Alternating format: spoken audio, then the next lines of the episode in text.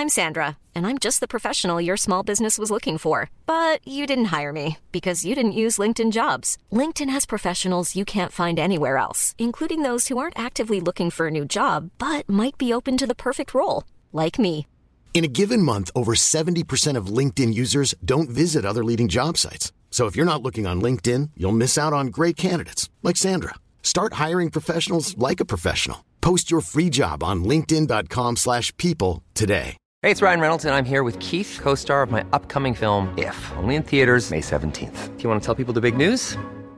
All right, I'll do it. Sign up now and you'll get unlimited for $15 a month in six months of Paramount Plus Essential Plan on us. Mintmobile.com slash switch. Upfront payment of $45 equivalent to $15 per month. Unlimited over 40 gigabytes per month. Face lower speeds. Videos at 480p. Active Mint customers by 531.24 get six months of Paramount Plus Essential Plan. Auto renews after six months. Offer ends May 31st, 2024. Separate Paramount Plus registration required. Terms and conditions apply if rated PG. Millions of people have lost weight with personalized plans from Noom, like Evan, who can't stand salads and still lost 50 pounds. Salads, generally, for most people, are the easy button, right? For me, that wasn't an option. I never really was a salad guy. That's just not who I am. But Noom worked for me. Get your personalized plan today at Noom.com. Real Noom user compensated to provide their story. In four weeks, the typical Noom user can expect to lose one to two pounds per week. Individual results may vary.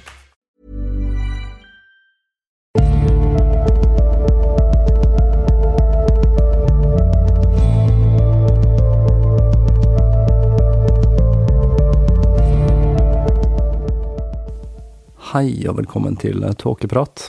Jeg heter Even, og når jeg tar opp denne episode 87, så er det den 18. desember 2018.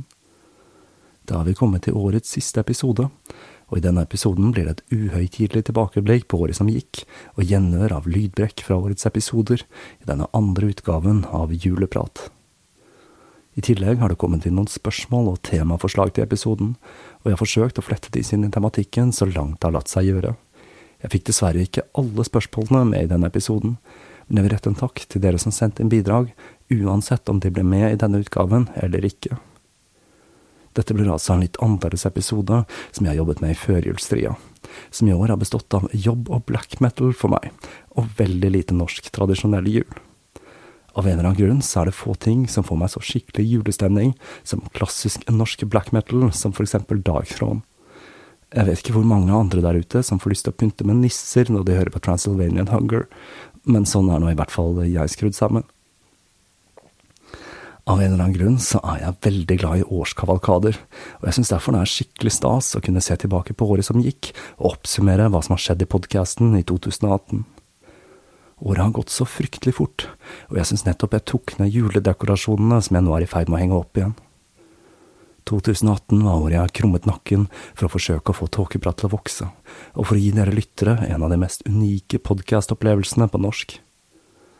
Det har kostet, ikke minst i den sosiale sfære.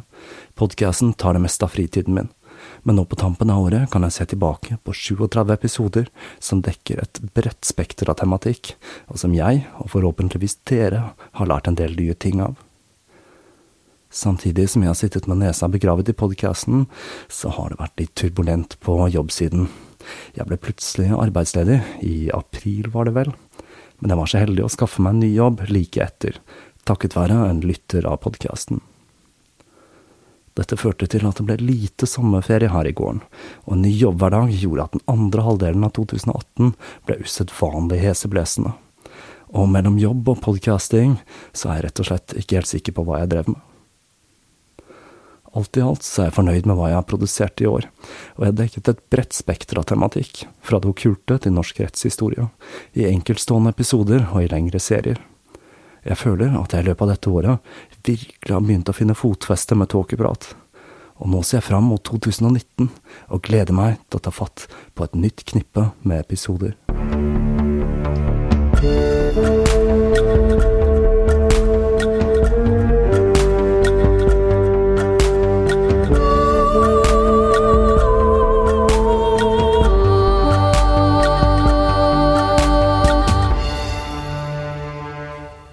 Året startet med en enkeltstående episode, hvor jeg tok for meg Ordrik Vitalis sin historie om De dødes hær, i episoden som ble hetende Hellikin, etter lederskikkelsen til denne hæren, som har paralleller både til teatrets Harlekin og vår egen Loke. I denne episoden så snakket jeg også om fenomenet Den ville jakten, og det kommer jeg tilbake til senere i denne episoden. For denne gebrokne banden med skrømt og annen trollpakk er uløselig knyttet til skandinavisk juletradisjon. Så fulgte serien om den franske giftskandalen, eller La L'affaire de Poisson. En historie som er krydret med intriger, dekadanse, maktspill og politikk, og ikke minst hekser, for 2018 har vært et heksetungt år her i Tåkeprat. Og i Ludvigs Frankrike blir vi ikke bare introdusert for ulike former for hekser og trollmenn, men også svarte messer med nakne damer som altere og ofring av spedbarn. I serien blir vi introdusert for en av historiens mest myteomspunne fem fatal, Madame de Montespan. Dette skulle for øvrig ikke være den siste serien med svarte messer med nakne damer som altere som dukket opp i 2018. I løpet av denne serien bestemte jeg meg for å starte en Patrion, og i den forbindelsen så lagde jeg den første og eneste minisoden så langt her i Tåkeprat, hvor jeg forklarer hvorfor jeg har valgt å bruke denne formen for frivillig abonnementstjeneste. Og jeg må si det var et godt valg. Ikke bare har Patrion fungert som et slags Council of Elders, der jeg kan spørre en gruppe mennesker som er genuint opptatt av podkasten, om hva de mener om saker og ting. Men i løpet av dette året, hvor jeg da ikke akkurat har rullet meg i penger, så har Patrion mer enn én gang vært med på å redde meg når kreditorene kommer bankende på døra. Der jeg tok feil, var når jeg i minisoden sier at jeg ikke kunne forestille meg hvordan tåkeprat kan bli en del av et podkastkollektiv, men det kommer vi tilbake igjen til senere. Etter serien om giftskandalen, som endte opp med fire deler, så tok jeg for meg det legendariske Voynich-manuskriptet denne mystiske boken som ingen har klart å desifrere. Iallfall ingen hadde klart det da jeg lagde episoden. Og om noen har løst gåten, så vet jeg faktisk ikke om jeg vil vite det. Boka er nemlig så verdifull som et vaskeekte mysterium at en løsning på gåten nærmest er nødt til å bli en skuffelse. Nå som det nærmer seg jul, så er faksimilen av boka et hett julegavetips. Dette er nemlig en flott bok å bla i, for å forsøke om kanskje nettopp du er den som kan se noe i boka ingen andre har lagt merke til tidligere. Så skulle jeg begynne på en serie i tre deler som jeg har på følelsen av at mange har som sin favoritt blant årets serier og episoder, nemlig Pervitin-serien. I denne serien ser jeg på bruken av metamfetamin i Det tredje riket, og hvilken påvirkning bruken av dette stoffet kan ha hatt på fenomener som blitskrig og ikke minst hvilket forhold føreren selv hadde til steroider og ymse substanser. I denne serien langer jeg altså ut mot hva jeg anser for å være menneskefiendtlig, uvitenskapelig og antikvarisk ruspolitikk, og hvordan selve språket vårt speiler vår egen uvitenhet i denne ufyselige krigen mot narkotika. Fra metamfetamin gikk jeg over på påsken, for jeg tok en liten kikk på denne høytiden med alle sine merkelige tradisjoner fra den paganistiske Ostara og påskeharen til den kristne feiringen, gekkebrev og påskekrim. Etter påske beveget jeg meg til satanisme, da jeg tok meg historien til grunnleggeren av den første offisielle sataniske religionen, Anton Lavey. En meget kontroversiell figur det har vært mye spekulasjoner rundt, ikke minst fordi han trakk seg tilbake fra offentligheten i den siste delen av livet, og fordi hans egen datter skulle fronte en svertekampanje mot han er ikke bare lett å være satanist, spesielt ikke i en arvestrid. Denne serien ga meg en ny innsikt til Lavei, og jeg ble overrasket over hvor verdikonservativ mannen var. Riktignok så hadde han sataniske verdier, men mannen framstår som et slags merkelig produkt av 50-tallets samfunn. I tillegg så ble dette en langt kortere serie enn hva jeg hadde forventet, og det ble langt mer satanisme på meg enn på dere lyttere, da jeg valgte å forsøke å fokusere på biografien til Lavey, og kutte ut all staffasjen rundt. For det er én ting som kjennetegner både satanister og Aune Sand, og det er at de har dramatisk og svulstig ordbruk. Etter Church of Satan var tiden inne for å ta en kikk på norsk rettshistorie, og for å kunne gjenfortelle historien om den forbudte kjærligheten til Ranveig og Sigurd, som foregikk på slutten av 1700-tallet, så forsøkte jeg meg på å dramatisere fortellingen, og sette meg inn i hvordan det hele utspant seg, og hva som fikk odelsgutten Sigurd til brutalt å myrde sin gravide elskerinne på særs grusomt vis. Så begynte en av årets lengste serier når jeg gjøv løs på en av mine favorittpersonligheter, og hva jeg mener er en av de viktigste kulturelle pådriverne i det 20. århundret. I serien En folkefiende går jeg gjennom hele livet til Timothy Leary, en person som på mange måter er skrevet ut av historien, og som blir avfeid som en litt tullete, eksentrisk figur. Dette er en historie jeg følte det var veldig viktig å fortelle, for konsekvensene av handlingen til denne psykologiprofessoren fra Harvard er enorme, men de er dessverre umulige å måle, og derfor lette å avfeie. Leary var den kulturelle dynamoen som med sitt vinnende smil og intellekt ble frontfiguren til den psykedeliske bevegelsen, og selve talspersonen for bruk av LSD til selvutvikling og kreativitet. Og verden har aldri blitt den samme siden. Her føler jeg vel at eh, Sergeant Pepper-skiva til Beatles er et veldig godt eksempel. I serien ser jeg også på Learys negative sider, som for eksempel at hans voldsomme personlighet var en direkte påvirker til totalforbudet mot forskning på psykedeliske stoffer, i tillegg til hans mange merkelige og tidvis mystiske sider, som parallellene til Alistair Crowley og påvirkningen på den gryende tech-bransjen og personer som Steve Jobs. Timothy Lear is not dead. No, no, he's outside, looking in, som The Moody Blues så fint sa det. Etter Leary kom hva som er den episoden jeg har hatt det mest moro med i år, nemlig enda en fortelling fra norsk rettshistorie. Denne gangen fra hekseprosessene og Fredrikstad. Historien om Anne og Marte Rimer fascinerte meg voldsomt, men jeg hadde ekstremt lite materiale å gå på, og med en god dose fantasi og innlevelse så forsøkte jeg å veve historien om hvordan bøddelens døtre ble beskyldt for å ha forårsaket bybrannen i Fredrikstad i 1653 med trolldom. Etter denne episoden så ble det så litt backlash, da jeg fikk noen tilbakemeldinger fra lyttere som ikke liker dramatiseringer av gamle historier. Men for meg så var denne episoden altså et høydepunkt fra 2018. Før jeg så meg nødt til å ta et lite sommeravbrekk, så bestemte jeg meg for å lage en episode om den forferdelige historien om Sylvia Likens. Dette er en grusom fortelling om barn som torturerer barn, og den er i tillegg fra nyere tid.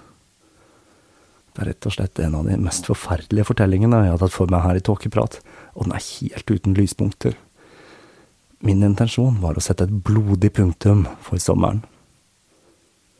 Dette skulle vise seg å kanskje ikke være den beste avgjørelsen jeg har tatt, for i løpet av sommeren så dukket Tåkeprat opp som en anbefaling i en artikkel på nettsidene til NRK. Dette førte til at lyttertallene mine eksploderte, og episoden alle spilte først, det var selvsagt den om Sylvia Likens så jeg har nok vært med på å spre en del dårlig stemning her til lands i sommer.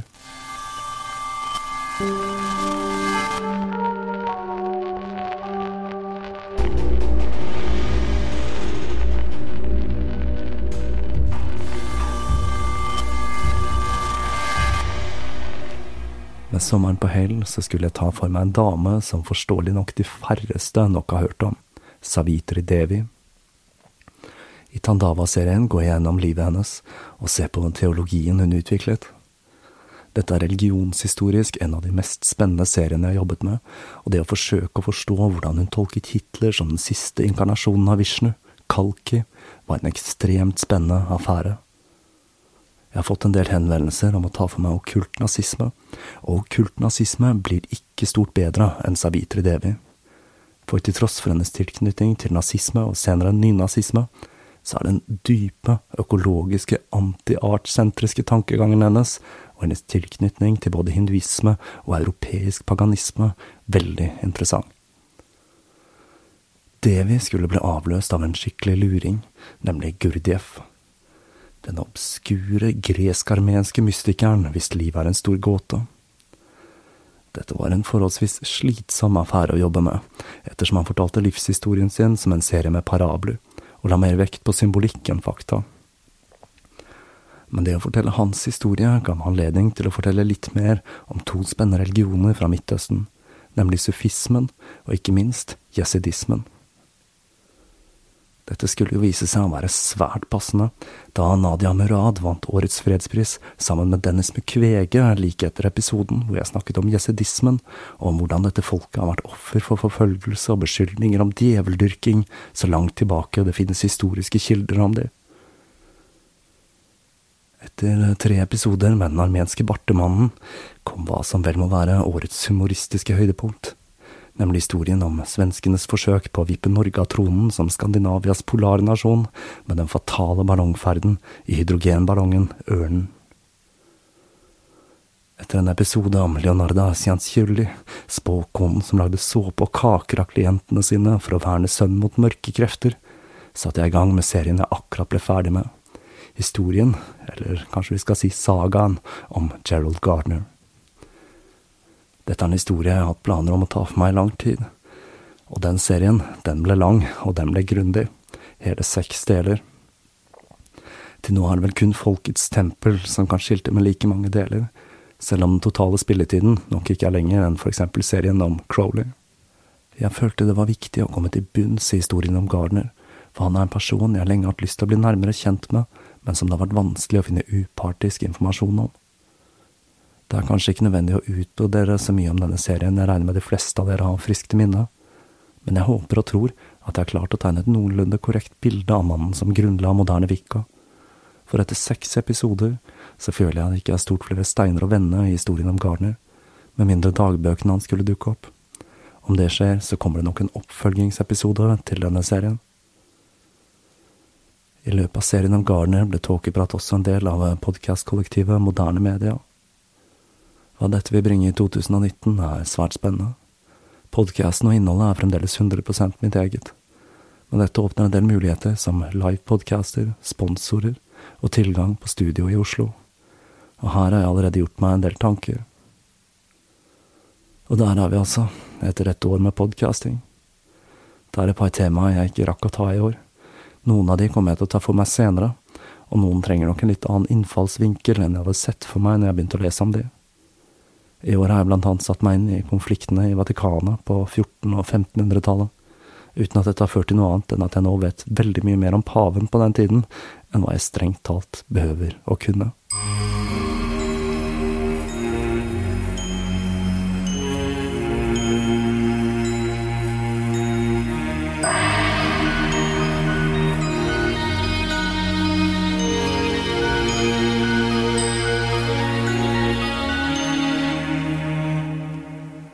Flere lyttere følger flere tilbakemeldinger. Jeg har satt stor pris på alle de positive tilbakemeldingene og den konstruktive kritikken jeg har fått.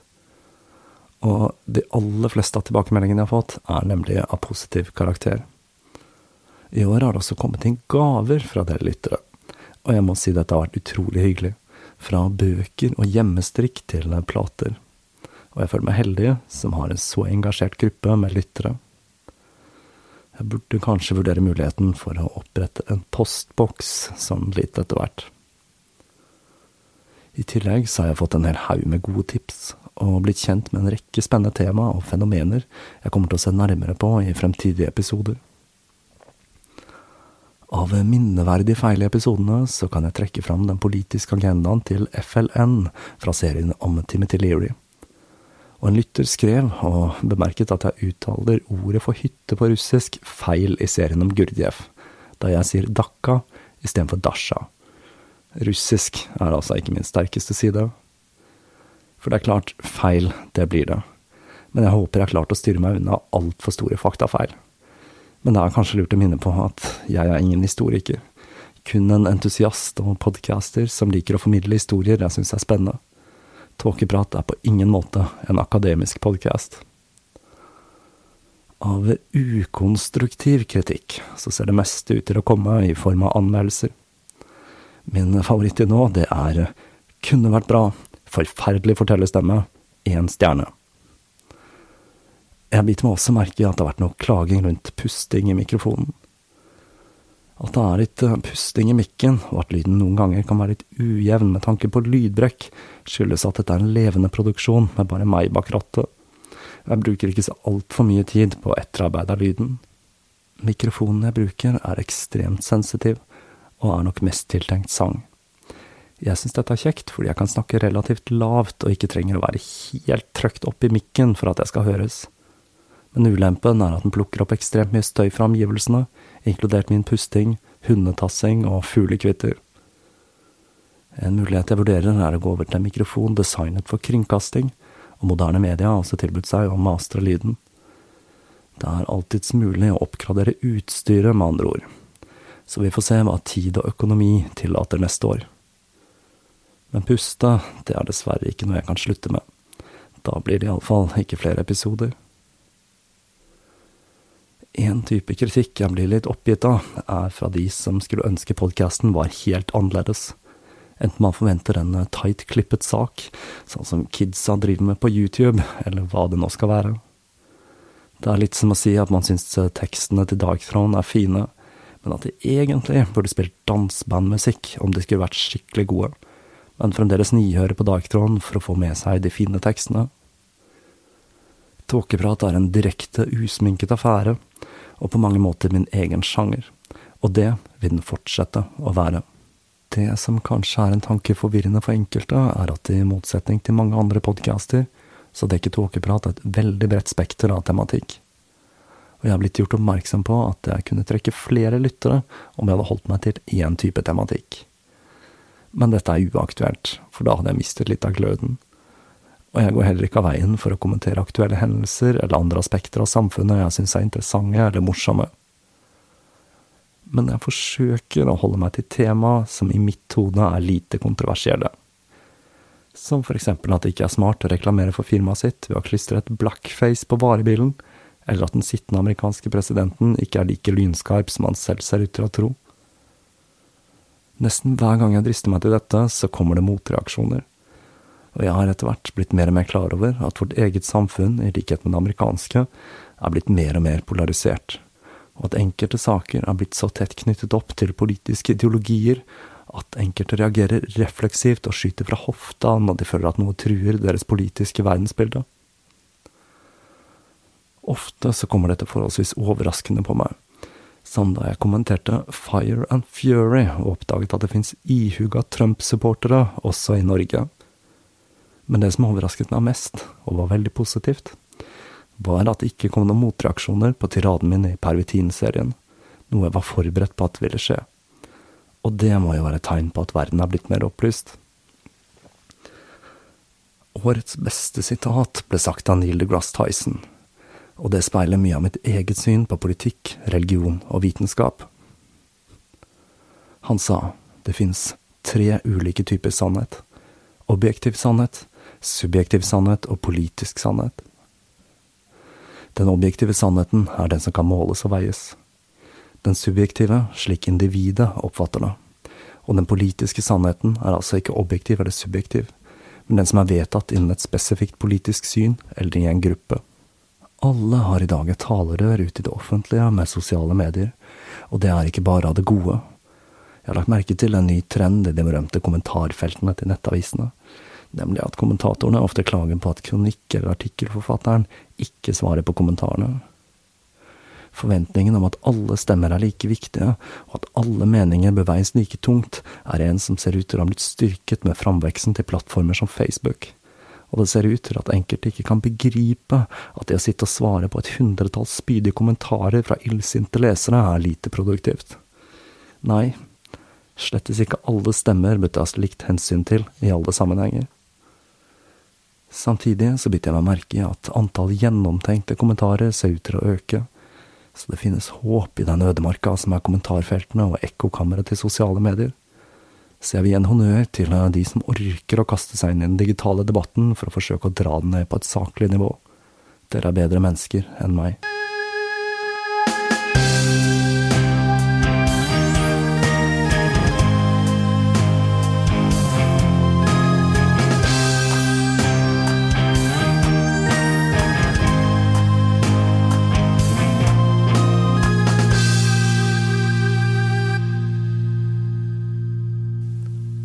Selv syns jeg julen er en eh, stilig høytid. For dette er en høytid der man formelig kan smake de førkristne elementene i de ulike markeringene vi har i desember. Jeg så nylig et meme som gikk noe i retning av at uh, Christmas is the holiday when everyone celebrates paganism, og det er ikke så langt fra sannheten. Jeg tenkte jeg skulle se på et par utvalgte tradisjoner forbundet med jul. Lucia-dagen er en av de få helgenfeiringene vi finner her i Norden. Ifølge sagnet var Sankta Lucia ei siciliansk kristen jente, hvis far døde i barndommen, og som ble lovet bort til en hedning rundt år 300. Etter å ha bedt for sin dødssyke mor til Sankt Agatha, så dukket denne helgenen opp i en drøm hvor hun fortalte Lucia at troen hennes kunne redde hennes mor. Hun overtalte moren til å bryte forlovelsen og gi medgiften til de fattige. Dette førte til at eh, han hun var forlovet med, anmeldte henne til myndighetene, og hun ble truet med et liv i prostitusjon om hun ikke frasa seg sin kristentro. Det gjorde hun ikke, og hun lot seg bokstavelig talt ikke rokke. Selv tusen menn og 50 okser klarte ikke å flytte henne av flekken.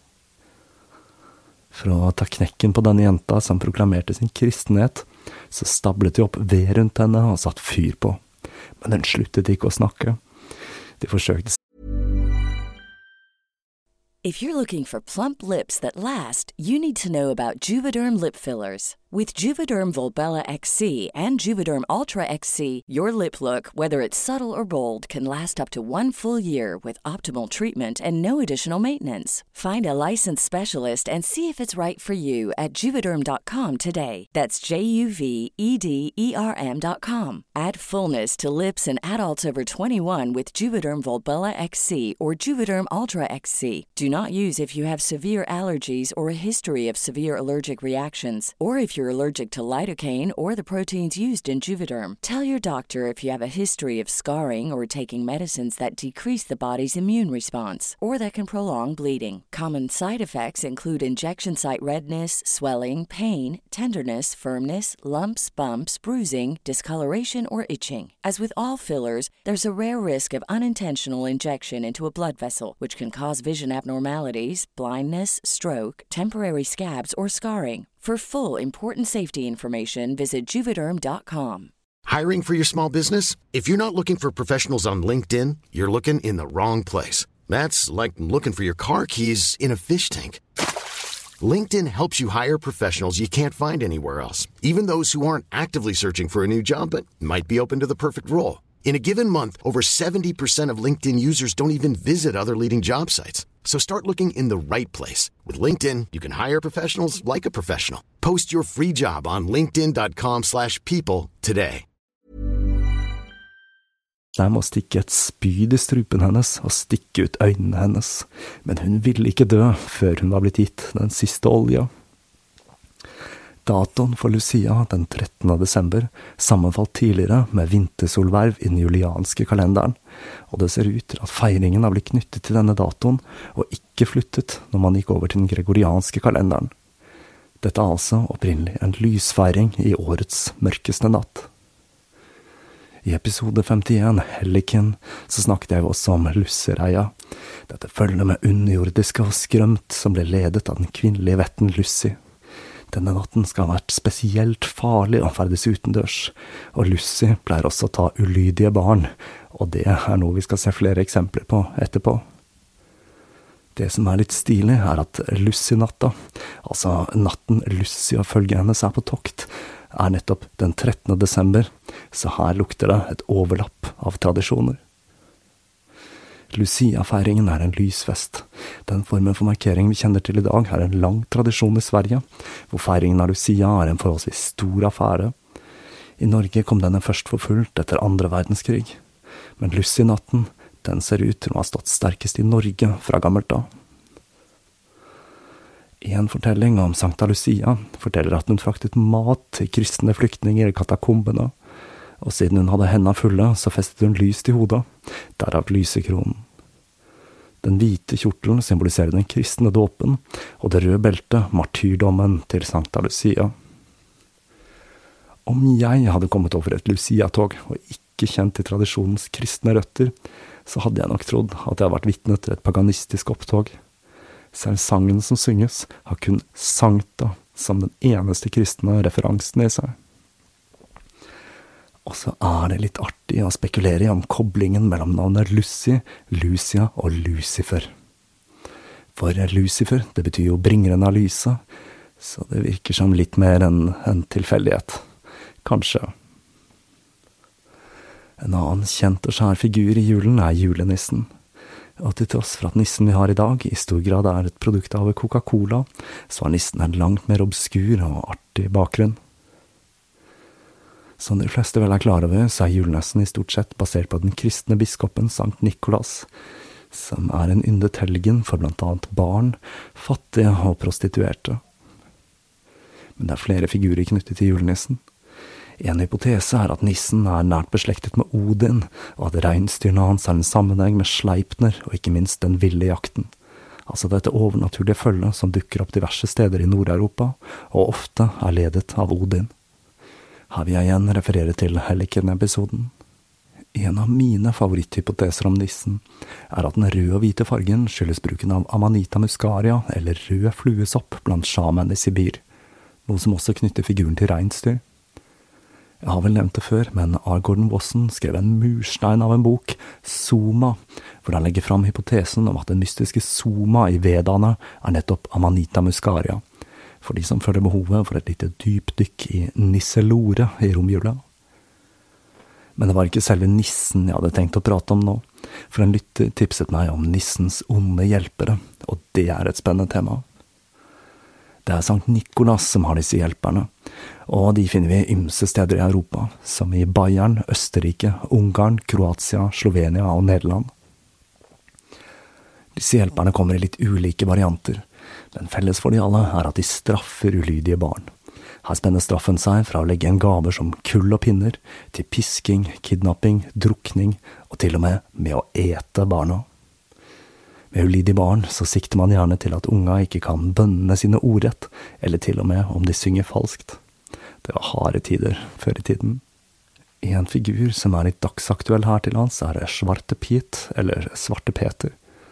Tradisjonelt så er dette en figur som har blitt fremstilt i blackface, vil si malt sort i ansiktet med karikerte, store røde lepper. Man har etter hvert forståelig nok gått bort ifra denne versjonen av Nissens hjelper, som oppsto i sin nåværende form i 1850 i en bok av Jan Schenkmann. Grunnen til at jeg føler at denne er litt dagsaktuell, er selvsagt saken med byggmesteren med det tvilsomme slagordet, og ikke minst karikaturen som gjorde sin seiersgang i nyhetene for noen uker siden. Her er det jo en mulighet for en julekampanje om noen ønsker å dø på den bakketoppen. I Tyskland finner vi den skikkelig tysklingende figuren Knecht Rupert. Den Rupert blir fremstilt som en litt sjuskete utgave av Sankt Nikolas, med skjegg, aske i ansiktet, kledd i pels og med stav i hånden. Men det aller kuleste med Rupert er at han har med seg en sekk med aske som han bruker til å slå ulydige barn. Det var mye fysisk avstraffelse av barn før i tiden, noe som får meg til å sende en tanke til frøken Fogner og hennes beryktede barnehjem. Rupert var for øvrig et vanlig navn på djevelen i Tyskland, så tygg litt på den. Og snakker om djevelen, den aller stiligste av disse nissens hjelpere er Krampus. En figur det har blitt spekulert i om stammer fra førkristne tradisjoner i Alpene. Krampus er litt av en karakter han blir fremstilt som en geitefigur med horn, kløvde føtter og en lang, spiss tunge. Og her har det selvsagt blitt spekulert i om denne figuren er en levning fra heksekulten som fortalt av Murray og Gardner. Krampus er en skikkelig fæl fyr. I tillegg til å bære rundt på kjettinger og bjørkeris han bruker til å slå ulydige barn, så har han med seg en sekk eller kurv han tar med seg barna i for å drukne eller ete dem. Krampusfeiringen, eller Krampusnacht, ble avholdt kvelden den 5. desember, dagen før Sankt Niklas-messen. Denne feiringen ble forbudt i Østerrike i 1923, men i dag er Krampusfeiringen svært populær, og tradisjonen har som påskeharen også utvandret til USA. Det er en eh, sterk tradisjon knyttet til denne markeringen med Krampuskort, som ofte har en erotisk undertone. Så der har dere en flott tradisjon vi godt kan importere til Norge sammen med halloween. Krampus er nok kongen av nissens slemme hjelpere, selv om jeg må innrømme at jeg også er litt svak for askesekken til knert Rupert.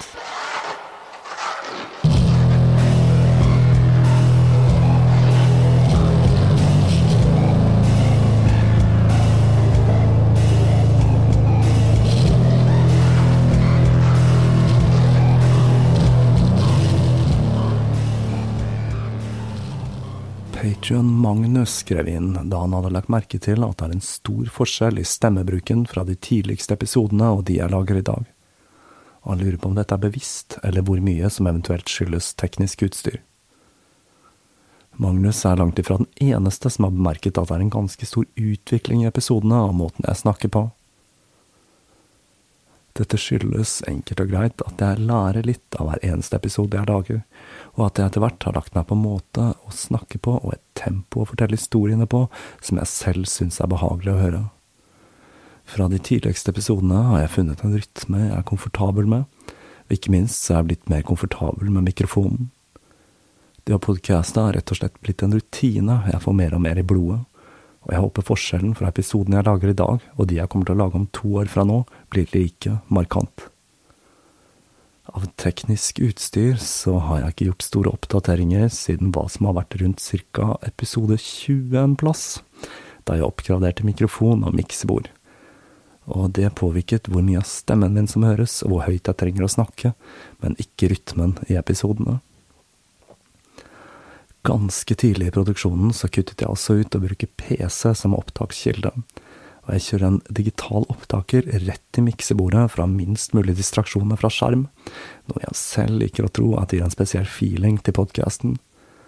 Her går det i røkelse, stearinlys og parafinlampe, og ikke kunstig skjermlys. Et annet av spørsmålene jeg fikk fra Patrion i år, var fra Raimond, som stilte spørsmålet om det finnes noe slikt som unødig kunnskap. Dette er et veldig spennende spørsmål, ikke minst fordi jeg syns utdanning og kunnskapsformidling er interessant, men også fordi jeg tror samfunnet er i ferd med å gå inn i en fase der det ikke vil være nok arbeid til alle, og vi kommer til å være nødt til å bruke mer tid på å utvikle oss selv og verden rundt oss. Og dette er nettopp litt av drivkraften til denne podkasten.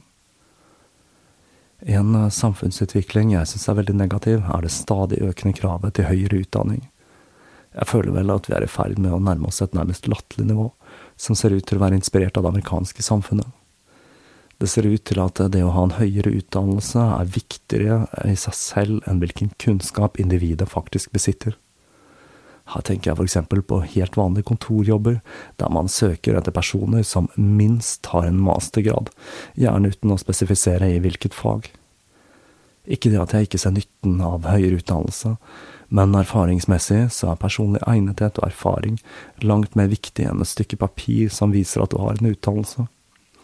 Faktisk så er noen av de verste kollegaene jeg har hatt, nettopp vært nyutdannede uten erfaring fra det faktiske arbeidsliv. Det betyr selvsagt ikke at man i spesialiserte yrker, enten man er hjernekirurg eller tømrer, ikke behøver den nødvendige kompetansen. Men jeg har problemer med å forstå høye utdanningskrav der utdannelsen ikke ser ut til å ha noen direkte forbindelse med jobben som skal utføres, utover at man har papir som viser at man ikke er helt udugelig. Således kan dette betraktes som unødig kunnskap. Gudene vet hvor mange som pugger seg gjennom studiene utenom personlig interesse for faget, ender opp i en sjelesugende jobb der det man lærte i studiestiden, forsvinner som dugg for solen når man puncher inn tall i et Excel-ark. Jeg føler at det aller viktigste når det gjelder utdannelse, er å danne et grunnlag slik at individet får de nødvendige verktøyene til å kunne vurdere og resonnere på egen hånd. Dette er spesielt viktig i dag, med internett og kanaler som YouTube og Facebook. Fenomener som flat jord har jo fått fotfeste i de senere år, som et direkte resultat av fri informasjonsflyt og nettopp manglende evne til kritisk tenking og dypere forståelse. Det å sitte og pugge tørre fakta for å kunne bestå en prøve, betyr ikke nødvendigvis at du har tilegnet deg mer forståelse av faget. Men finnes det noe slikt som unødig kunnskap? For det var vel egentlig det som var spørsmålet. Jeg vil si at det kommer an på øyet som ser, og hvilke verdier man legger til grunn om den eneste faktoren som avgjør om kunnskap skal ha noe nytte, er den rene materielle verdien, vil si hva denne kunnskapen kan bringe med seg i form av arbeid og inntekt, så er klart svaret ja. Jeg har selv vært i diskusjoner med folk som fnyser av alle andre former for utdannelse og kunnskap enn de som er direkte knyttet opp mot dette spesifikt yrket. Men det jeg vil si, er at kunnskap i seg selv kan være verdifull, om den kan være med å berike livet ditt og utvide din forståelse av verden. Og det er noe jeg selv ser på som langt mer verdifullt enn å tilegne seg mest mulig gods og gull. Dette gjelder selvsagt også håndverk og skaperevne, og jeg tror at det er der veien går fremover for oss mennesker. Om vi ikke klarer å rote det enda mer til for oss selv, da. For vi er på god vei allerede.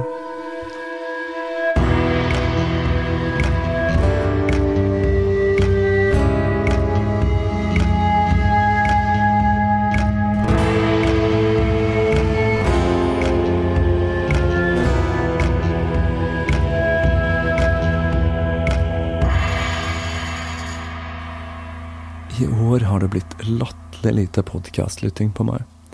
Med et forholdsvis heseblesende arbeidsår og tåkeprat, så har det meste av lytting gått med til lydbøker relatert til denne podkasten.